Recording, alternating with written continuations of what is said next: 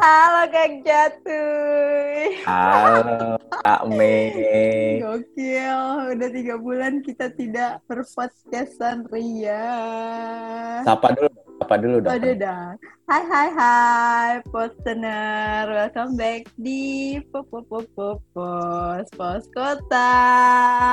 Gila, Jadi- gila gue kangen. Jadi setelah gue evaluasi ya, ternyata kita em, jadi kalau teman-teman yang nanya kena- ke mana nih hilangnya pos kota, kita selalu jawab, kita selalu jawab kita lagi matangin konsep. Cie, asik gak gue? Padahal kita lagi nggak ada bahan, sebenarnya itu bahan banyak. nggak ada bahan. lo lo ngerasa bosen apa enggak tuh waktu pas? Gue sih udah dari bulan kayak dari Agustus sampai Agustus September tuh kayak udah aduh udah males ngapa-ngapain gitu ya. Enggak, kalau gue kan gini ya, di awal-awal itu kan oh kita WFO kan lu back to office kan? Sekarang lagi home lagi, home lagi. oh, oke Jadi awal-awal kan kita kayak kayak lead ya, pos kota lead dengan model webinar dan lain sebagainya. Terus lama-lama banyak yang ngikutin, terus kita udah bosan. bosan kita nggak followers sih ya anaknya Eh, terus yang lain Oh, juga topiknya lebih topiknya lebih menarik dibanding kita. Kita jadi kita jadi jadi kita oh kok jadi menarik kan di jadi inferior kita nggak menarik. Oke, lu jadi ngapain aja di Mei sekarang Mei? biasa masih ngajar online ngomong sendiri di depan layar Guys, gila. dengan nama-nama anak-anaknya Yang nggak tahu lagi pada Gua nggak tahu lagi tidur. pada ngapain mereka. Ya Jadi- tapi so far Hmm. sih ya agak sus agak agak berubah sih ya konsep lu ngajar itu. Gue sekarang ngajarnya juga lebih banyak eh, apa kasih film gitu-gitu ya dari YouTube terus atau misalnya ada film-film cuplikan-cuplikan film bagus, Hmm. resensi buku. Jadi kita force mereka untuk eh lu baca ya gitu, eh tugas ya gitu. Jadi lebih Hmm. mandiri gitu ya. Mungkin katanya Mas Menteri itu kurikulum merdeka ya sebenarnya sekarang ini waktu yang tepat untuk kurikulum merdeka sih karena pandemi Iya. ini. Iyalah Mbak Deka mahasiswanya bisa masuk nggak bisa enggak, bisa tidur, Iya, dosennya juga. bisa pakai celana pendek ngajar. ya Mbak Oh iya, Deka gue juga. Tapi kan gak dapat uang jajan, Ah, ya, gak bisa nongkrong di kafe gitu kan sambil ngerjain tugas, gak bisa nge ngecengin eh, cowok-cowok, cewek gitu kan itu yang paling gak asik. Ya itu jadi problem juga sih emang sih. Eh kalau gue kemarin kan sempet ngantor ya, Mau oke. ngantor ngobrol-ngobrol sama ya. ngobrol-ngobrol sama teman-teman gitu ya. Terus kita kemarin sempet ngobrol. Gua ada temen gue nih yang kemarin eh, cerita gitu. Kantor. Ah teman kantor. Hmm. Dia tuh cerita dia pandemi ini sebelum pandemi sih sebenarnya sudah jadi masalah dan sekarang masih menjadi masalah ternyata adalah Karena eh dia dulu kan tinggal di Jakarta ya namanya juga anak-anak kayak kecuali kita ya kita mah tinggal di pinggiran always pinggiran gitu. kita emang udah udah jadi anak pinggiran sejak Iya. dulu ya. Iya. Tapi kan ada beberapa yang dulunya tinggal di mana di Jakarta. di, di Manggarai, di mana di Tanah Jakarta Abang, lah ya. Menteng lah di Sekarang tiba-tiba mereka Kebayoran. Uh, ketika mereka kerja, mereka sudah mau pengen punya rumah lagi, terus mereka bingung, mereka harus beli rumah di mana.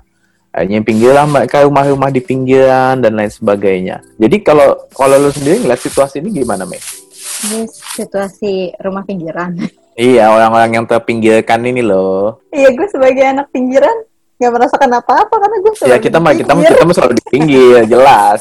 Tapi kan jadi susah ya, maksudnya mereka dengan apalagi dengan gaji yang nggak nggak banyak, apa terus tengah- kena pengaruh pandemi juga, akhirnya sulit juga untuk mendapatkan akses ke market gitu, mau dapat eh, apa namanya kredit kayak atau apa tuh gimana tuh? Betul kan, kalau ngomongin rumah emang gak ada habisnya ya. Eh by the way ya, hari Minggu ini. minggu ini itu adalah World Habitat Day ya kan. Biasanya ada di apa? Dirayainnya di first Monday of the month di Oktober ya kan. Terus ada juga eh, apa sih bulan Urban Oktober gitu ya, kalau salah. Nah, itu kan juga mengangkat tema, itu pasti terinspirasi dari sini ya. Menanyakan hal itu. Ya nggak juga sih, lu jangan gitu dong, ini seolah po- podcaster profesional. Skenario ya. Ya, gimana gimana gimana?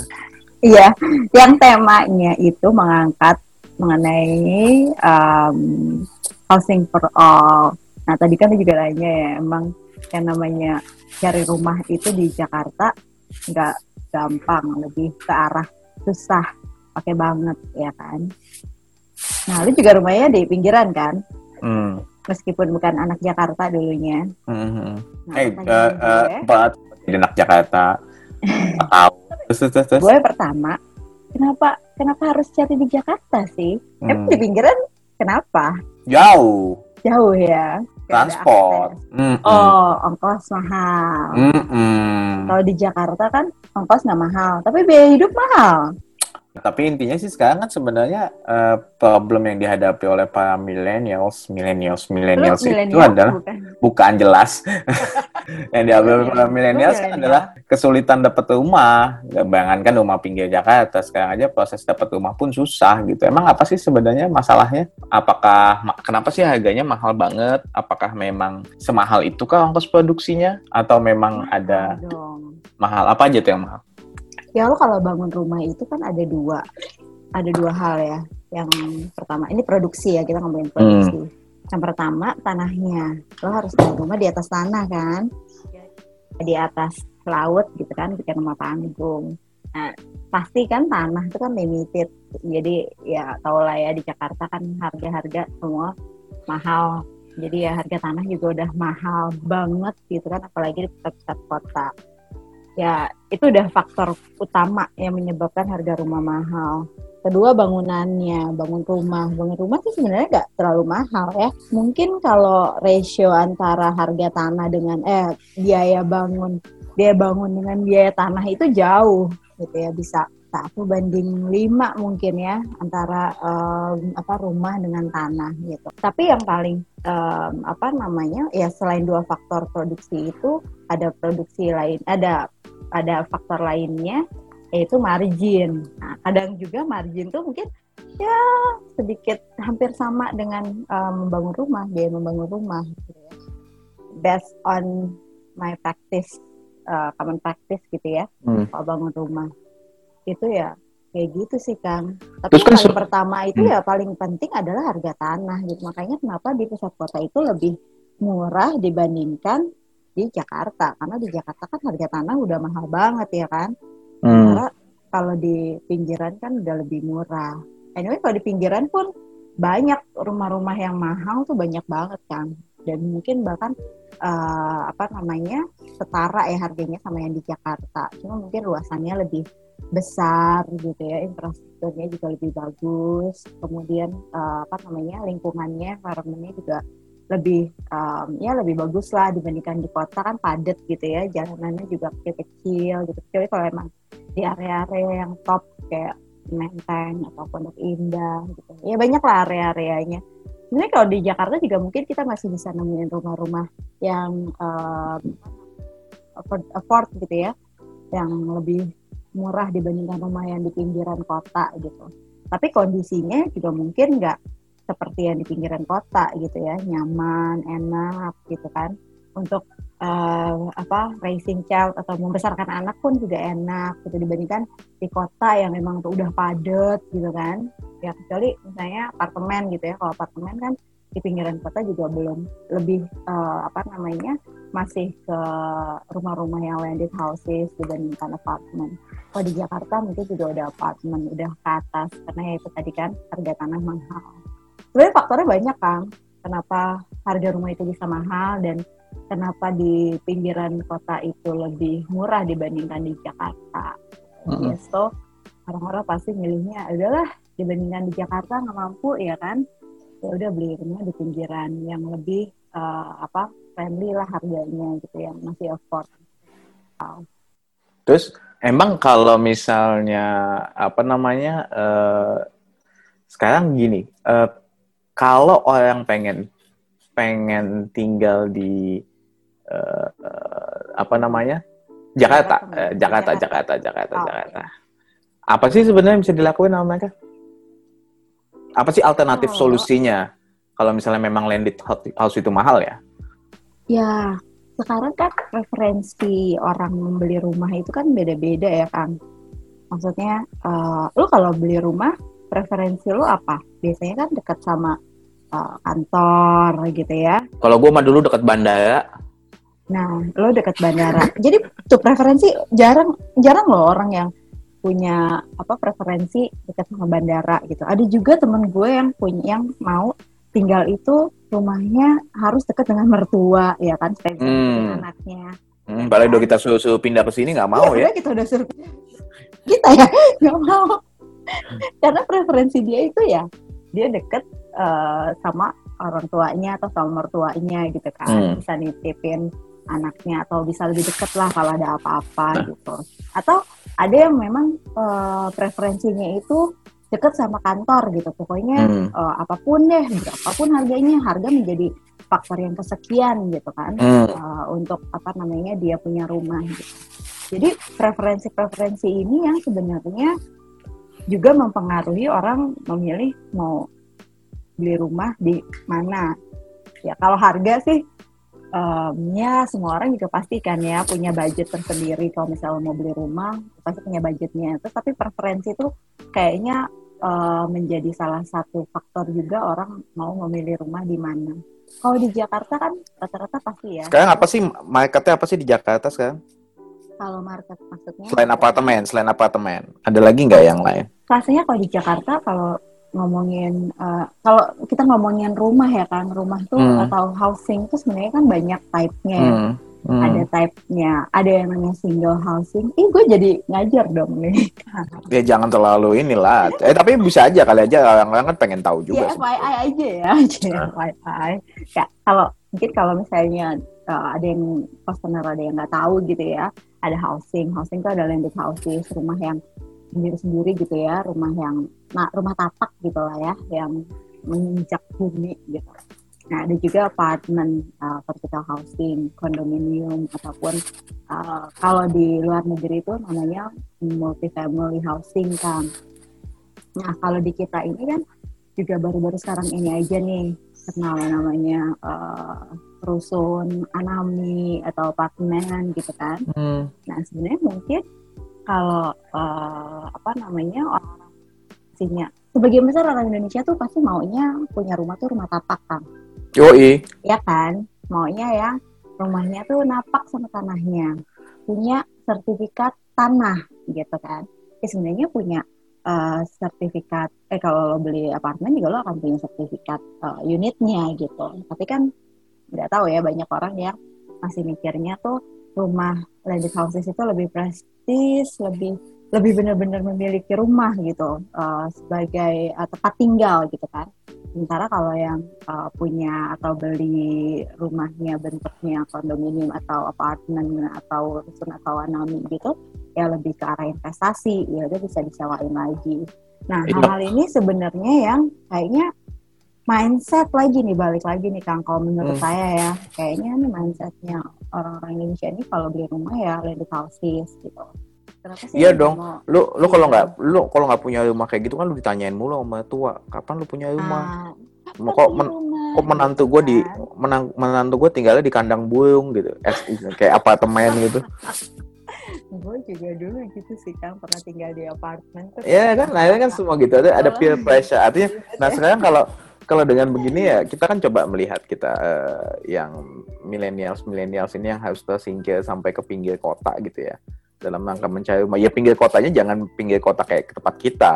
Coba misalnya pinggir kotanya tuh ke daerah yang lebih jauh daripada itu yang akses transportasinya susah dan lain sebagainya.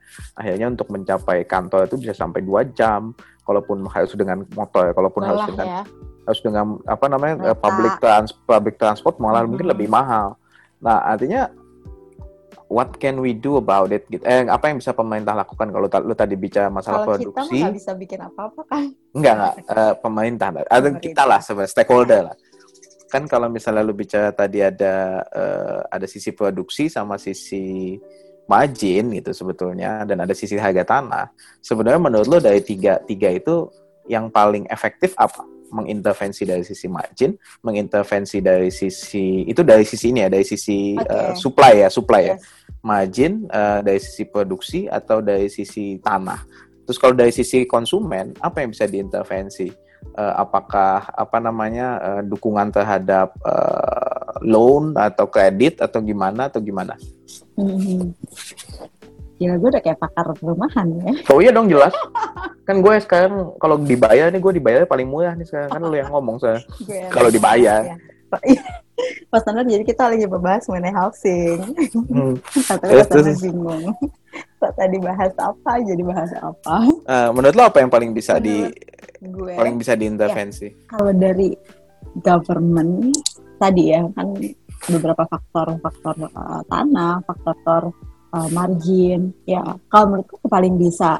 Sulitnya gini nih Kang kalau kita bilang uh, bisa diintervensi dari tanah, kan harga tanah kita naik terus ya kan, gitu. Bisa nggak kita mengintervensi tanah? Waktu itu sempat sempat juga uh, ada diskusi mengenai uh, apa namanya ID untuk uh, moratorium harga tanah gitu. Tapi balik lagi kan, kita kan tanah itu kan kalau di kita kan tidak dimiliki oleh pemerintah ya, dimiliki oleh banyak orang gitu dimiliki oleh masyarakat dimiliki oleh uh, entitas perusahaan gitu. Jadi kalau misalnya uh, kita bilang di moratorium ya pasti ada pro sih gitu.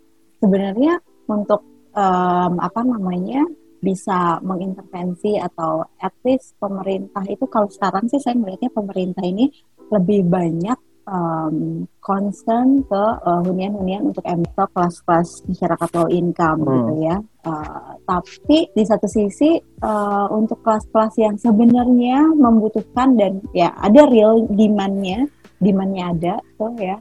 Si, termasuk milenial atau kelas-kelas menengah itu ya nggak ada yang supply.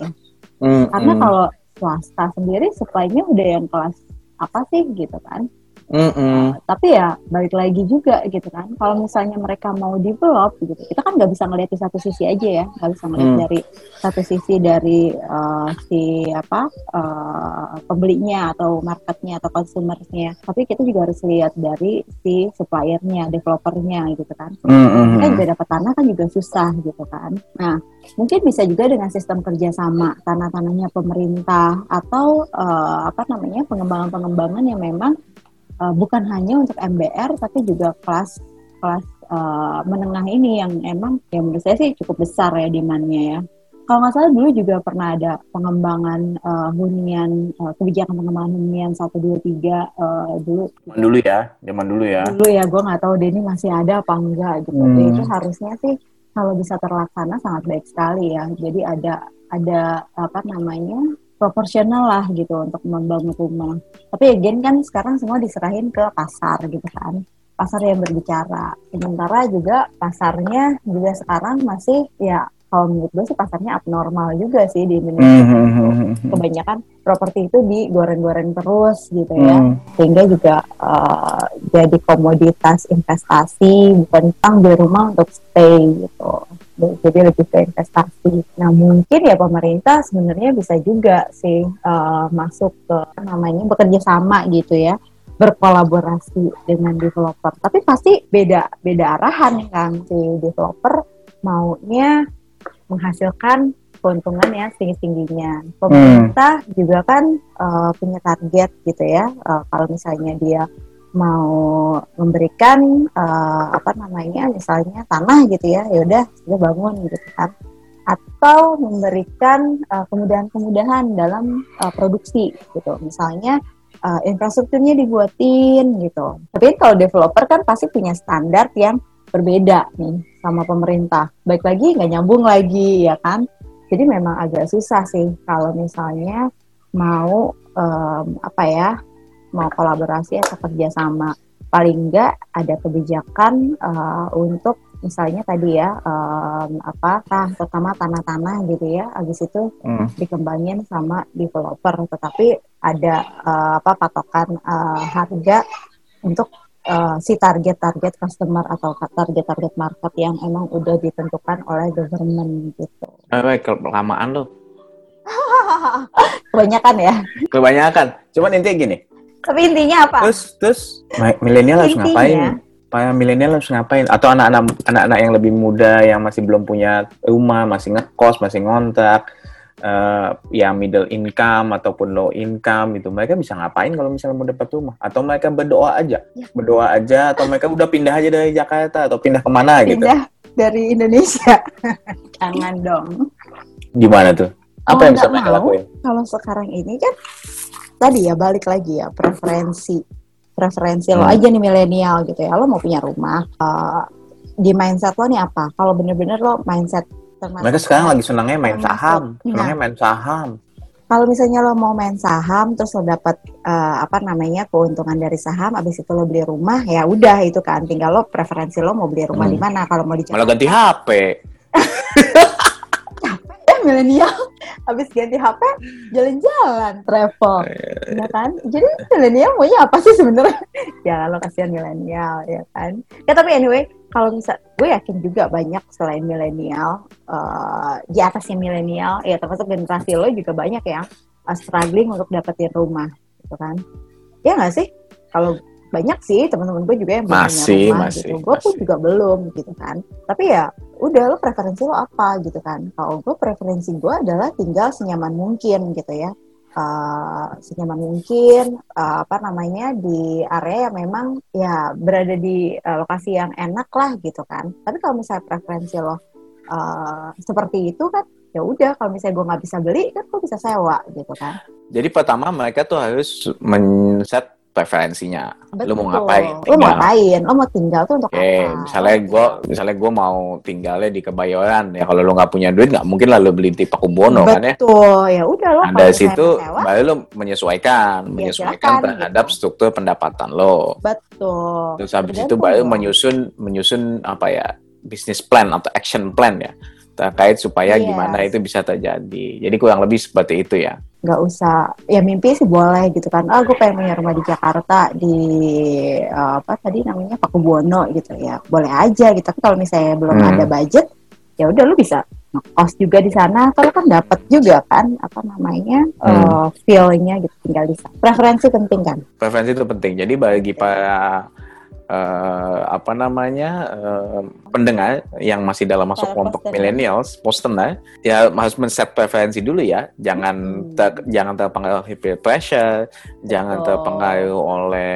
apa namanya social pressure, harus punya rumah, harus punya Ah, betul. dua lantai dan lain sebagainya. Cita-cita itu Kadang- penting. kadang-kadang orang tuh mau punya rumah itu eh, social pressure kan Iyalah. ditanyain eh Sama- udah rumah di mana Eh, sewa apa beli eh what gitu Iya, kalau karena gitu. itu nggak mungkin habis ya. Pertama dari lu kapan kawin, terus lu punya anak Yes. kapan, lu udah kerja kapan. Karena Oh, kemarin gue ya. Iya, gue kemarin sempat diskusi ya sama teman-teman fresh graduate maupun yang baru lulus di ada namanya lah eh, organisasi namanya Liga Muda Perencana.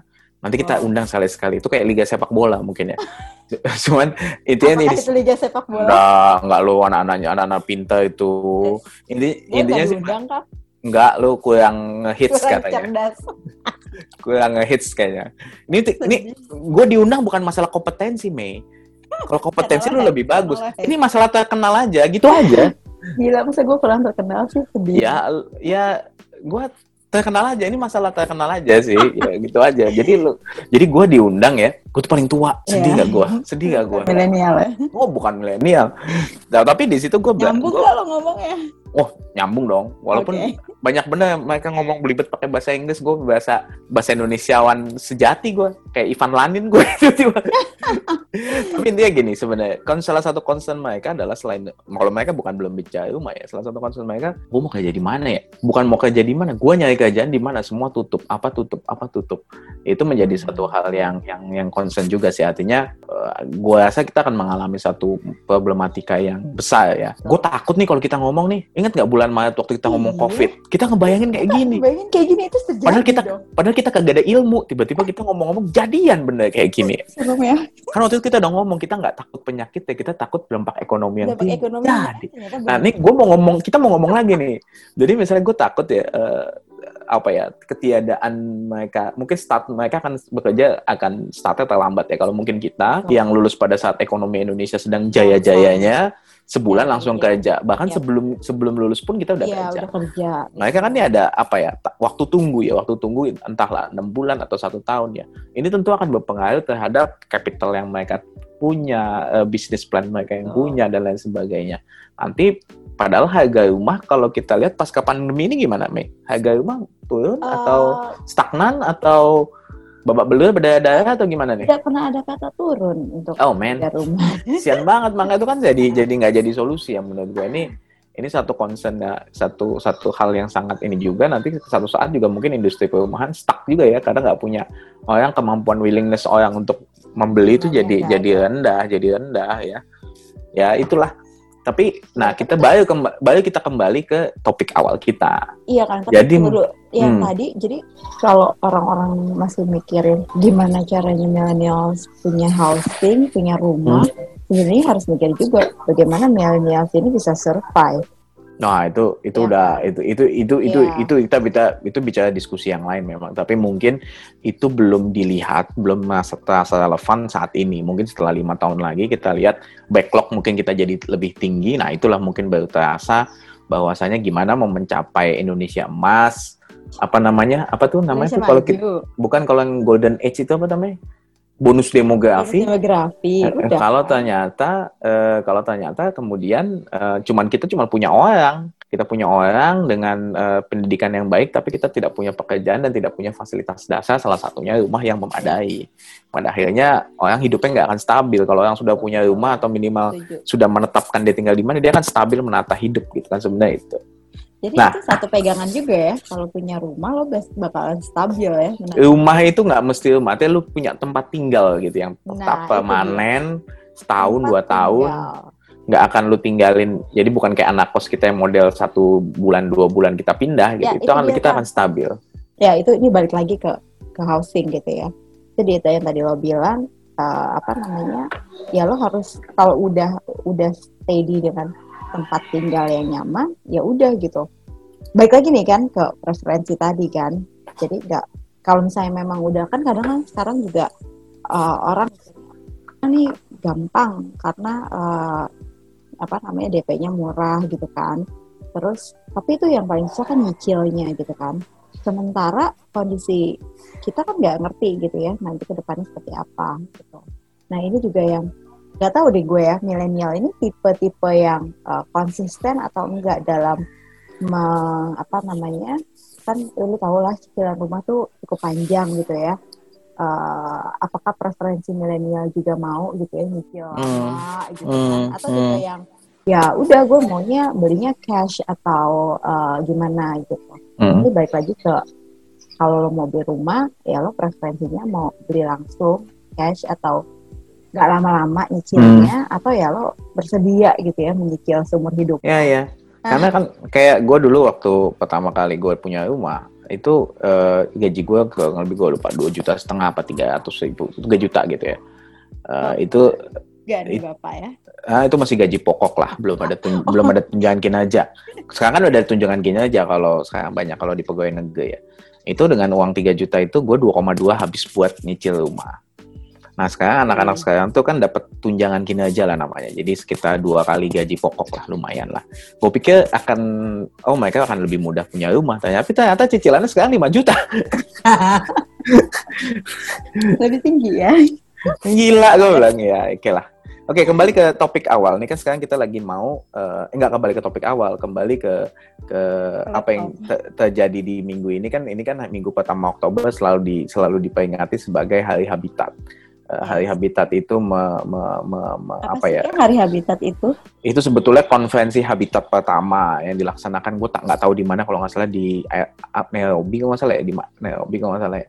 Jadi eh, Hari Habitat itu adalah ketika UN Habitat negara-negara negara-negara anggota PBB itu menyatakan sikap mengenai agenda eh, habitat per 20 tahun per 20 tahun kemudian. Nah, sekarang ini diperingati minggu pertama ini sebagai Habitat dengan mengangkat tema Cities for All, eh Housing for All. Nah, menjadi sangat relevan Oke. sekarang karena Housing for All itu selalu di menurut gua selalu dikontekskan dengan eh, rumah buat eh, apa MBR. Ya, itu masih sangat relevan, betul sekali. Tapi menurut saya kalau di untuk konteks Indonesia mungkin ada eh, apa ya kelas menengah juga yang mungkin harus diperhatikan terutama di perkotaan ya. Kita ngomongin kota besar ya. Eh, kota-kota lah tidak itu, itu memang menjadi satu problem ya karena eh, kan tema yang diangkat sekarang adalah housing for all a better urban future gitu.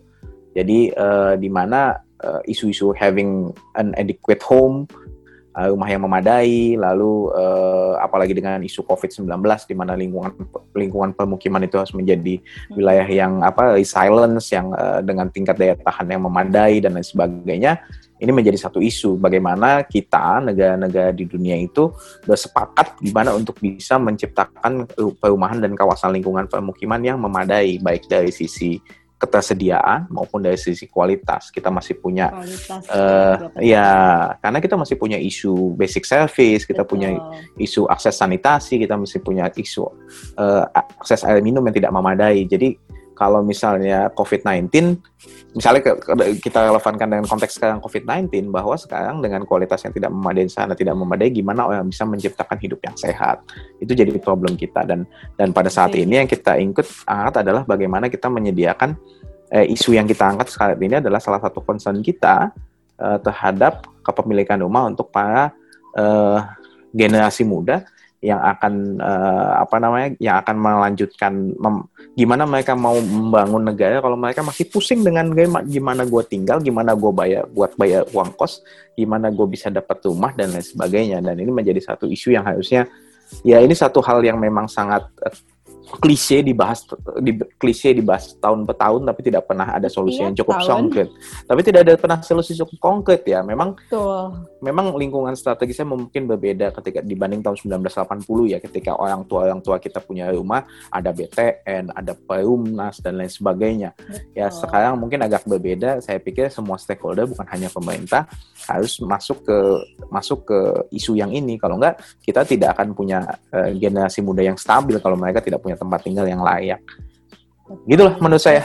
Dan dulu juga orang bangun rumah kan lebih banyak yang swadaya gitu ya kan. Hmm. Rumah ya udah gitu. Uh, udah di kafling kaflingin terus orang beli hmm. terus bangun sendiri gitu ya atau rumah yang seadanya aja gitu lah ya uh, kalau kita tahu kan apa namanya rumah-rumah BTN ya dulu ya mm -hmm. ya itu rumah seadanya aja rumah tumbuh lah ibaratnya mm tapi preferensi orang kan sekarang pasti akan berubah orang udah nggak mau lagi ya pokoknya punya rumah itu harus sudah yang masih bagus gitu hmm. ya kan jadi bukan rumah yang seperti uh, apa namanya ya seperti dulu lagi BTN BTN gitu ya. ya. Dulu BTN kan rumahnya jelek tapi tanahnya gede. Betul. Sekarang oh, sudah rumah-rumah itu kan sekarang udah tanah tanahnya kecil, tanah kecil rumahnya jelek. Giliran tanah kecil, rumahnya bagus, harganya mahal. Ah, pusing deh. Oke deh, aduh gila. Ini diskusi yang sangat berat ya. Minimal kan kita udah punya konsep ya. Jadi pos kota tuh bisa secara rutin mendiskusikan isu-isu ini. Kita kembali kepada Tapi berat ya, kan ya, pembicaraan ini. Oh nggak apa-apa bos, kan kita yang ngomong. Kalau kita yang ngomong kan nggak terlalu, nggak ter mudah-mudahan menyenangkan. Mudah-mudahan yeah. menyenangkan. Tapi anyway, gue sih pesan nih ya sama milenial. Ya, maksudnya jangan aduh kalau misalnya memang lo punya preferensi oh gue harus punya rumah gitu kan demi demi harga diri lo ya. Demi harga diri lo di depan orang tua dan calon mertua ya kan? Ya ya lo harus struggling gitu ya harus bisa memilih ya uh, terus apa namanya menabung gitu kan karena harga rumahnya mahal. Tapi kalau misalnya memang lo masih berpikir untuk uh, meng-spending men-spending uang lo untuk yang lain ya gue sih tipikal uh, apa namanya yang menyarankan ya why not uh, kalau lu rental atau lu uh, sewa gitu ya sesuai dengan referensi yang lo mau. Yang lokasinya juga emang sesuai sama apa yang lo mau dekat sama orang tua atau dekat sama kantor gitu. Jadi ya nggak usah worried sih ya karena menurut gue sih ke depannya juga uh, pasti akan banyak konsep-konsep baru untuk membangun affordable housing kang. Dan pemerintah juga rasanya sekarang juga udah aware bahwa mereka itu harus menyediakan jadi mudah-mudahan aja next lima tahun atau bahkan tiga tahun ke depan gitu ya kita akan melihat affordable affordable housing yang ada di kota-kota di Indonesia ya terutama di Jakarta ya dan uh, apa namanya sekitarnya itu jadi nggak usah takut milenial tenang aja nanti aku bikinin rumah deh Uh, Edan. Tapi beli ya. Tetap jual. Udah kayak ini aja loh, udah kayak uh, apa calon wali kota aja loh. Ya, kali aja kan. Mengingat kota, mengingat kota kota kita lagi ini kan, lagi iya. mau pilkada. Udah ada jangan nanti kita, enggak jangan, enggak boleh, enggak boleh, enggak boleh. Oh, itu ntar aja satu lagi. Nah, aja. Kan kali aja pilihan lo, pilihan gue beda. Oh iya. Bisa aja kan? Pilkada nih, tapi gue nggak memilih ya. Oke, thank you. Kak Cathy, kalau begitu. Mudah-mudahan kita bisa konsisten lagi ya. Ada ada topik-topik Iyalah yang ya. bisa kita angkat banyak loh sebenarnya. dan kita bisa undang tamu mungkin ya. Iya, tamu lagi tamu dong. dong. Ya, tapi- Eh, tapi ya kayaknya kita sudah berhenti dengan format YouTube ya karena susah banget cari tempat yang bisa bisa distancing ini, juga ya kan. kita social Jadi distancing kita- aja lah ini lebih gampang podcast. ke podcast aja lebih gampang karena toh Iya. kita juga bikin YouTube nggak bakal ada duitnya kan kita sudah kalah sama yang lain jadi ya kita tetap kreatif dengan, Ya udah. kita tetap kreatif dengan bikin podcast oke thank you Oke, Mei sip kalau gitu Kak Cathy sehat-sehat terus, listener juga sehat-sehat terus sampai ketemu lagi di podcast-podcast kita selanjutnya. Tetap uh, follow IG-nya Pos Kota. Apa kan? Lupa. poskota.indonesia Saya at poskota.indonesia. Jangan lupa juga tuh at IG-nya Kak Catuy, at Tutur Catur dan juga at Instagram saya at Mayriana 3 pakai angka 3. nanti topik kalau baik gitu, topik berikutnya kita bahas sosial media ya sosial Oke, media sosial media. Gua kan lagi Oh, iya. puasa sosial media oke Oke, nanti siap. kita bahas Next kita akan bahas itu. Oke kalau gitu listener sehat-sehat semuanya. Jangan lupa dengerin podcastnya Pos Kota hanya di hanya di pos pos pos pos Kota salah ya. Oke deh, sampai ketemu lagi. oke Sehat-sehat semua. Jangan lupa selalu dengerin podcastnya Pupus Pupus Pus Pos Kota. Bye. bye assalamualaikum Waalaikumsalam.